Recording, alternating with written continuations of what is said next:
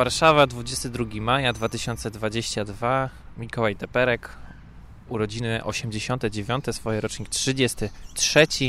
Ma Andrzej Mankiewicz, dziadek mój, który był przez wiele lat, teraz na emeryturze, sportowcem, trenerem olimpijskim, dziesięcioboistą, studentem AWF-u. Zdobył obywatelstwo amerykańskie, żył w Stanach Zjednoczonych, pracował tam, zna Polonię chicagowską, całe Stany wzdłuż i wszerz zwiedził, łącznie z Hawajami. Przeżył powstanie, siedział w wieku dwóch lat na kolanach marszałka Józefa Piłsudskiego. Dzisiaj obchodzimy urodziny dziadka. Czy masz jakieś przemyślenia w związku na 89 urodziny? Powiedziałbym 89 przemyśleń, ale pewnie nie będziemy mieli aż tylu. Ale jak się czujesz po tylu latach w Warszawie, warszawiaku? Czuję się bardzo dobrze, dobrze jak na swoje lata i żyję dzisiaj wspomnieniami. Bo wydaje mi się, że to był sen, a to było wszystko prawda. Twoje pierwsze wspomnienie to jest właśnie Józef Piłsudski chyba. Józef Piłsudski. Siedziałem u niego na kolanach. A dlaczego? Wielu ludzi, którym to opowiadam, nie chcą w to wierzyć. Mój ojciec Wiktor pracował w Giszu, w Głównym Inspektoracie Sił Zbrojnych. Na co dzień miał kontakt z marszałkiem Józefem Piłsudskim. Często mnie zabierał e, ze sobą do, do pracy. W związku z tym e, miałem możliwość na kolanach siedzieć u pana marszałka Józefa Piłsudskiego. Pamiętam tylko jego słowa jako dwuletni dziecko. Powiedział mi kiedyś, pamiętaj, będziesz kiedyś oficerem. Oficerem nie zostałeś, bo zostałeś e, sportowcem, więc sportowcy wtedy nie szli do wojska, nie mieli tej służby.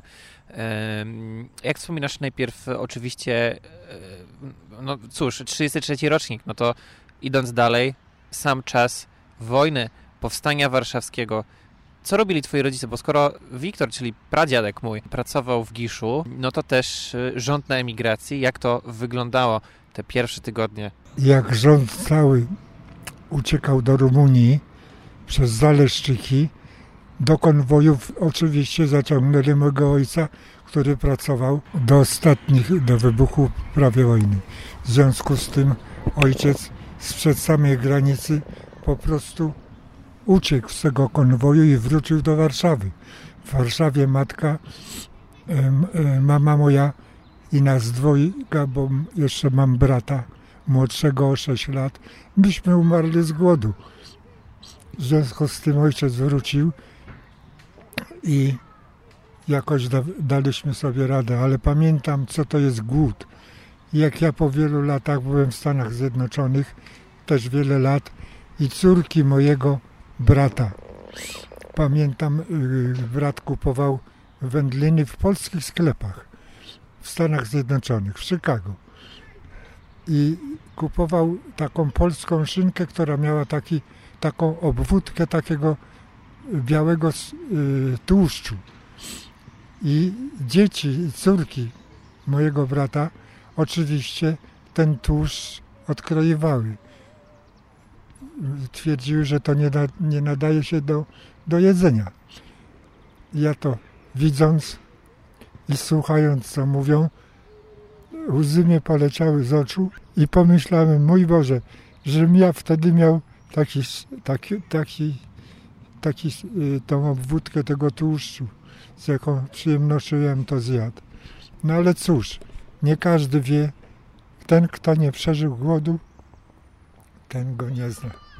Do 1944 roku przybywaliście mm, w Warszawie. E, jak pamiętasz e, sam czas e, powstania warszawskiego, kiedy ono się rozpoczęło i jak trwało do samego właściwie zakończenia? I, gdzie wy wtedy byliście, co robiliście? Rozumiem, że jesteś, dziadku, z Mokotowa. Oczywiście. Mieszkaliśmy na Mokotowie na ulicy Madalińskiego, róg Kwiatowej. Okna naszego budynku, naszego mieszkania wychodziły na ulicę Kwiatową powstanie się zaczęło, byliśmy oczywiście w domu. Chowaliśmy się przed bombardowania, przelewania chowaliśmy się y, do piwnicy.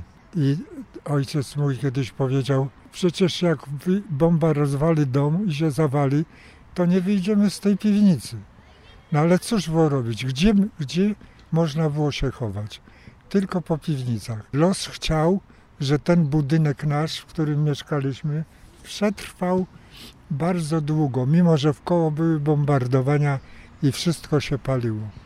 Myśmy przetrwali w tym budynku całe powstanie warszawskie gdzieś, już nie pamiętam dokładnie, ale jakieś 3-4 dni przed kapitulacją Warszawy myśmy z tego mieszkania po prostu uciekli, bo tak paliło się wszystko w koło, że dusiliśmy się już. No i ponieważ rodzinę mieliśmy, e, mamy siostrę w kierunku Grójca, w tamtym kierunku się kierowaliśmy, ale po drodze zatrzymali nas Niemcy i skierowali nas w kierunku Pruszkowa. Tam kierowali wszystkich uciekinierów z Warszawy w tym kierunku. Tam żeśmy przetrwali kilka dni, po czym rozdzielili nas. Ojca zabrali gdzieś w nieznanym kierunku, a ja z, z mamą i z bratem zostaliśmy w Pruszkowie.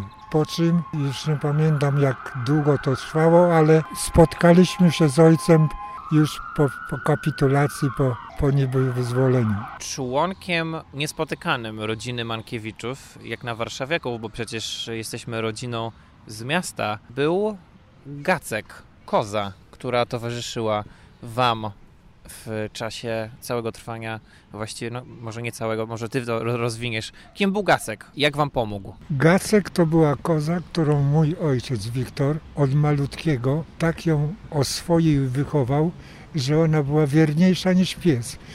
Chodziliśmy na ulicę Wiktorską do ojca brata, bo tam mieszkał, zaraz po powstaniu i ta koza szła za nami jak pies, wierna jak pies.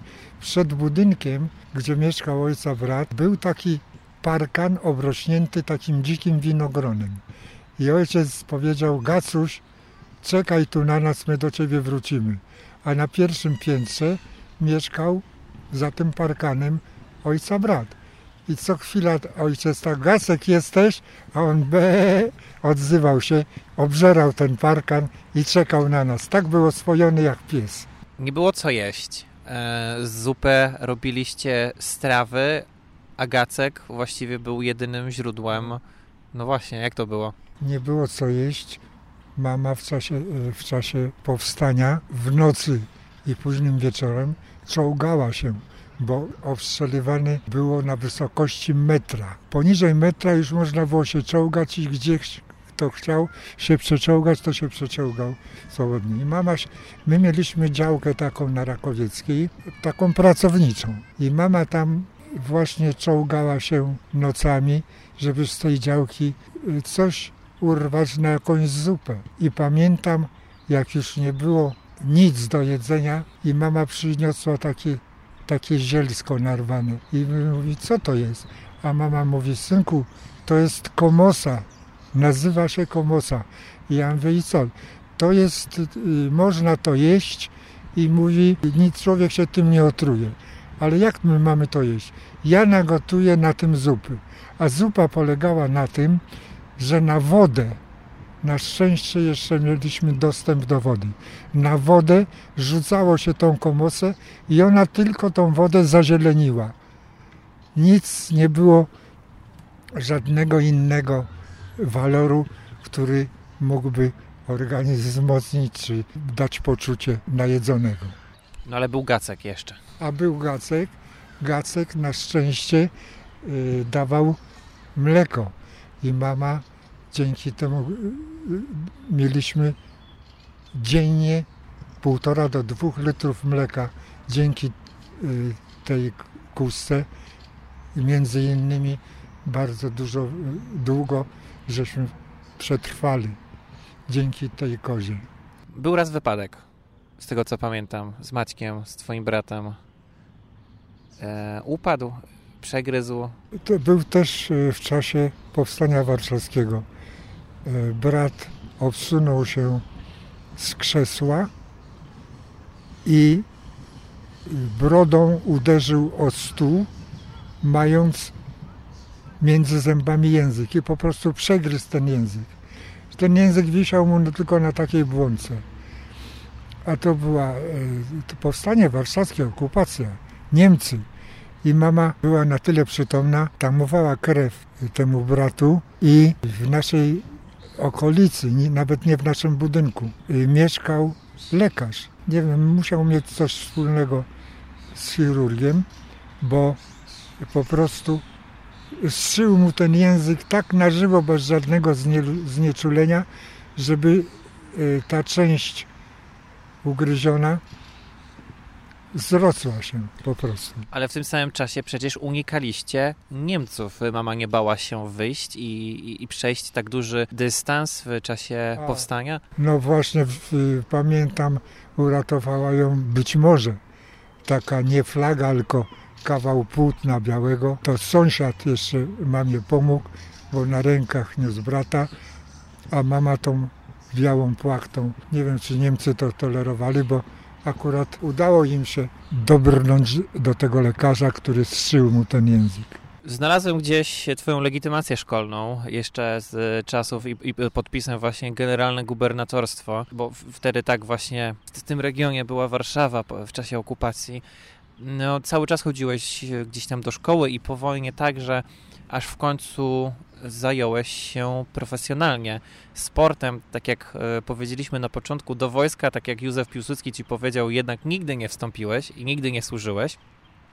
Tak jednak służyłeś polskiemu e, sportowi. Jak wspominasz te czasy właśnie liceum, studenckie? Mm, jak doszło do tego, że stałeś się dziesięcioboistą? Chodziłem do gimnazjum Rejtana w Warszawie na, na Mokotowie. Bardzo usportowiona uczelnia. Tam zda, zdałem maturę i miałem nauczyciela, który uczył nas wychowania fizycznego. Bardzo duży nacisk kładł nie na gimnastykę tak zwaną, tylko na lekkoatletę, na lekkoatletykę. Czyli bardzo dużo biegaliśmy, skakaliśmy, jakimś sprzętem tam potrafiliśmy rzucać. W związku z tym ja kiedyś wystąpiłem w takim wieloboju. To by, tam były skoki, rzuty i, i biegi. Wielobój taki, lekkoatletyczny. Wygrałem ten wielobój i zainteresował się mną na tych zawodach Witold Gierutto. Były dziesięcioboista, wicemistrz Europy w dziesięcioboju. I wciągnął mnie do klubu, do spójni warszawskiej. W tej spójni tam trenowałem, zdobyłem po latach uczestnictwa, zdobyłem cztery razy Mistrzostwo Polski w dziesięcioboju, po czym jak zdałem na studia na Akademię Wychowania Fizycznego, którą ukończyłem jako warszawiak nie w Warszawie, tylko w Poznaniu. Dlaczego? Bo Poznań pierwszy otworzył tak zwane specjalizację magisterską. Wszyscy warszawiacy znaczy większość rzuciła się, ponieważ warszawski AWF tego nie, jeszcze nie prowadził, rzucili się na Poznań. W związku z tym ukończyłem studia magisterskie w Poznaniu. I tak to się właśnie skończyło, że później jako trener wychowałem medalistę olimpijskiego. Nie olimpijczyka, jak niektórzy mówią, olimpijczyka. Olimpijczyków jest 300 jedzie na olimpiadę a medale zdobywa 5-10. Czyli ja wychowałem medalistę olimpijskiego, brązowego, Ryszarda Katusa, z którym utrzymuję kontakt do dzisiaj, nie tylko zresztą z nim, z wieloma innymi moimi wychowankami. Bardzo się mną interesują, trzymają kontakt. Leszek Nikityn na przykład mieszka w Szwecji od wielu lat, jest tam trenerem, już w tej chwili szykuje się na, na emeryturę. Byłem u niego kilka razy, prosił mnie, żebym mu pomagał. Trenowałem również wielu Szwedów, którzy nawet przyjeżdżali do mnie, do Polski, żeby trenować zimą, bo nie mieli hal zimowych. Ja miałem na AWF-ie y, swoje darmowe godziny, w związku z tym nic ich to nie kosztowało. Poza tym, że sami pomagałem w treningu, to jeszcze za darmo to byli szczęśliwi i mogli korzystać. Ja od siebie powiem, że u Ryszarda Katusa, który zdobył medal w Monachium, brązowy, Słynna olimpiada zresztą, z różnych przyczyn, także tych dyplomatycznych, czy około właśnie politycznych, e, z wiadomych powodów. Kto zna historię, ten będzie wiedział, o czym mówię. E, to u Ryszarda także odwiedzałem go w domu na Venice Beach w Los Angeles. W tej chwili przeprowadził się za Los Angeles, nadal w Kalifornii. Jego żona zresztą ma swoje alpaki na farmie, także bardzo, bardzo ciekawe bardzo ciekawa ekipa tam jest. I tak właśnie Ryszarda wywiało, ale właśnie Ryszard zresztą też Ciebie odwiedza w Polsce raz na jakiś czas, także jesteśmy w kontakcie. Rzeczywiście, u nas e, w rodzinie jest e, bardzo szerokie zainteresowanie Stanami Zjednoczonymi. Sam mój kanał i podcast jest mocno skupiony na Stanach Zjednoczonych, a prawda jest taka, że zaczęło się to właśnie od Ciebie, a nawet od Twojego właśnie brata. Jak się zaczęła Twoja podróż i odkrywanie Ameryki? Ponieważ w Stanach Zjednoczonych mam brata, który mieszka i żyje do dzisiaj. On ma dwie córki tam urodzone. Jedna z nich, Agata, jest, y, ja jestem jej chrzestnym ojcem. W związku z tym często jeździłem do Stanów Zjednoczonych. Ponieważ byłem sprawdzony przez komunę jeszcze za czasów komunistycznych, że jeździłem po różnych zawodach. Najczęściej właśnie jeździliśmy do Reichu, do, Niem do Niemiec Zachodnich i zawsze wracałem, na co wielu ludzi liczyło, że wybiorę wolność i nie wrócę do Polski. Więc w związku, a paszporty wtedy były takie, że dostawaliśmy tylko na dany wyjazd i po wyjeździe musieliśmy zwracać te paszporty. W związku z tym, że ja już uznali mnie za takiego, że nie ucieknę, jak to się mówi, nie wybiorę tej wolności z Polski, dostałem y, paszport wielokrotnego przekroczenia, tak zwanego. I brat dodzwoni kiedyś do mnie i mówi, Andrzej, zrób wszystko, żebyś przyjechał, bo, bo y, córki Agaty y, chcemy, żebyś był chrzestnym ojcem. No i ja wystąpiłem, oczywiście, o paszport, o, o, paszport, bo ten paszport to ja musiałem zwracać, mimo że miałem wielokrotnego przekroczenia. Po powrocie do kraju musiałem go zwracać. I wystąpiłem o ten paszport i oczywiście dostałem go ku wielkiemu mojemu zdziwieniu. I wyjechałem do Stanów Zjednoczonych, byłem ile chciałem i brat mówi tak, warto ci wracać do tej Polski. I ja mówię, no mam żonę, mam córkę, co ja tu będę robił. Damy sobie radę, zostań. No i, i po prostu zostałem dłużej niż miałem pozwolenie na ten pobyt. No i brat mówił, teraz jak wrócisz, to pójdziesz za kraty, bo przekroczyłeś limit tego pobytu, oszukałeś komunistów i tak dalej. No i po prostu ja rzeczywiście nie wróciłem. Nie wróciłem, zająłem się tam pracą z bratem i tak minęło pięć lat po czym wystąpiłem o pobyt stały. No ale pobyt stały to mogłem się właśnie dopiero ubiegać po pięciu latach. Po tych pięciu latach wystąpiłem o ten pobyt stały i dostałem zezwolenie na ten pobyt stały. Dla jasności chyba warto dodać, że ten pobyt stały polegał na azylu uciekinierów z krajów e, komunistycznych. Tak, tak. Taka była prawda. Zostałem, pracowałem, żeby się utrzymać. I tak minęło 5 lat. Po tym pobycie stałym i brat mówi, no to wiesz, ja mam obywatelstwo, całe moje córki mają obywatelstwo, a jeszcze kupę rodziny sprzed 200 lat, rodziny naszych Markiewiczów, dziadów, pradziadów byli w Stanach Zjednoczonych.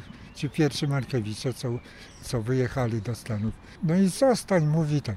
No i posłuchałem się brata, po czym zdałem na obywatelstwo. Mam do dzisiaj polskie, amerykańskie obywatelstwo dodatkowo. No i, i cieszę się tylko dlatego, że świat przede mną jest otwarty. Kiedy chcę, wsiadam sobie w samolot i lecę do Stanów Zjednoczonych, a wtedy trzeba było mieć jeszcze zgodę, żeby dostać się do Stanów Zjednoczonych. Teraz już tej zgody nie ma. Każdy, kto wystąpi, może się ubiegać o wyjazd legalny. Tak, w tej chwili wizy zniesione za prezydentury Donalda Trumpa, tak. ambasador Georgette Mosbacher ustalili to. W tej chwili jest tylko program ESTA, program bezwizowych wyjazdów. E, twoim ulubionym prezydentem jest właśnie ten, za którego kadencji dostałeś e, obywatelstwo, a nim jest... Bill Clinton, bardzo go lubię.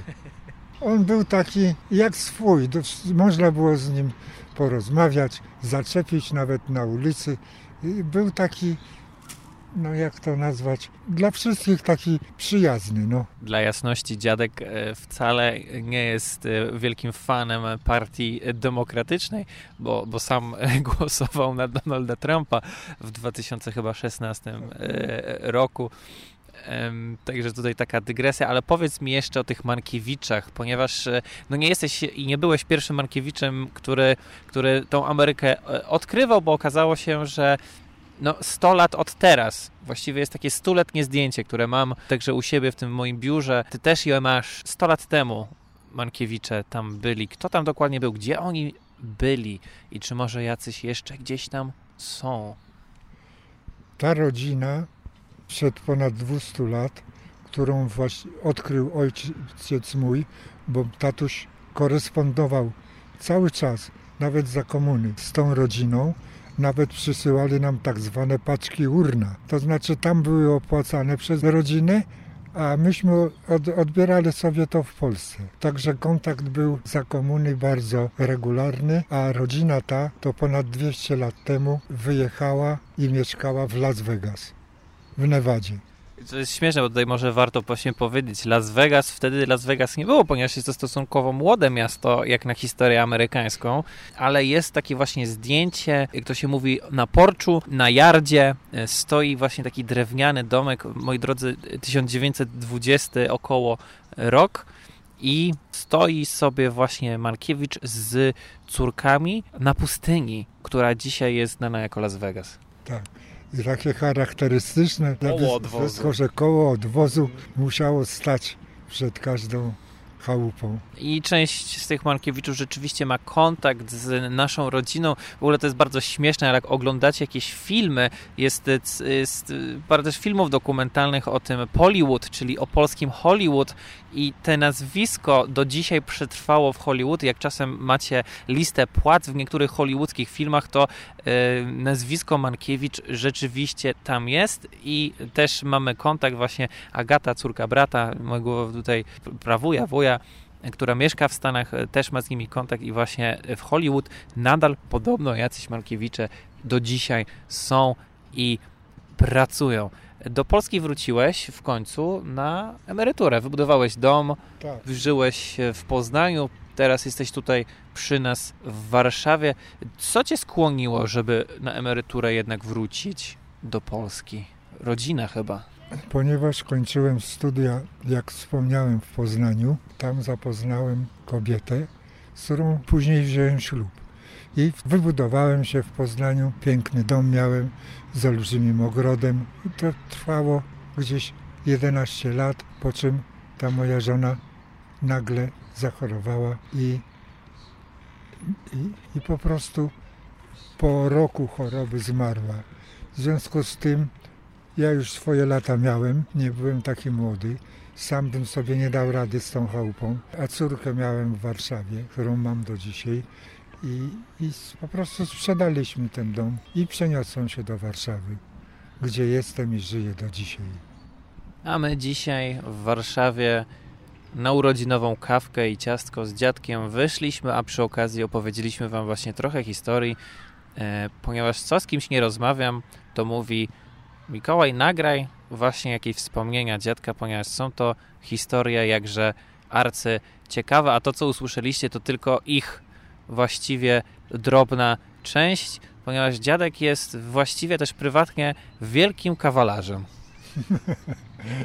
Billa Clintona lubisz między innymi dlatego, że był saksofonistą, a muzykę rzeczywiście kochasz i lubisz, a twoim chyba ulubionym z latów młodości muzykiem jest do dzisiaj. Elvis Presley. Tak. Elvis Presley. Byłem u niego w domu, w każdym pokoiku, w każdym zakątku, w Nashville. Spełniło się to, o czym marzyłem kiedyś w życiu, żeby Poznać go osobiście nie dało rady, bo to bardzo wcześnie zmarł, mając 42 lata. To jest przestroga dla innych młodych ludzi, co to są narkotyki. Niestety, on zażywał narkotyki. Pamiętam, jak rozmawiałem z jego córką, jak córka mówiła, że, że jak kiedyś ojciec nie mógł zdobyć narkotyki, to zadzwonił do właściciela apteki, żeby przyniósł mu ten narkotyk, a on mówi, jesteś kupiony od jutra, cała apteka jest moja, razem z tobą. A jak się nie będziesz zgadzał, to stracisz pracę. Taki był. Stać go było na to. No właśnie. A dziadek, sportowiec, 89 lat, chodzi, ćwiczy i tak trzeba żyć. Jak najdłużej, żebyśmy wszyscy mogli usłyszeć właśnie historie, które są niewyobrażalne dla wielu osób y, dzisiaj. Dla obecnego pokolenia Z i milenialsów komuna to jest w ogóle jakaś abstrakcja, a co było jeszcze wcześniej, w czasie wojny, przed wojną, tym bardziej. Także tak zatoczyliśmy koło od Józefa Piłsudskiego przez Elvisa Presleya, Billa Clintona, aż do dzisiejszej Warszawy, 2022 rok. Także 100 lat dziadku, a może i więcej. A my pozdrawiamy z, e, z Warszawy. Dwa warszawiaki. Tak jest. Dziękuję bardzo. Ja również serdecznie wszystkich pozdrawiam.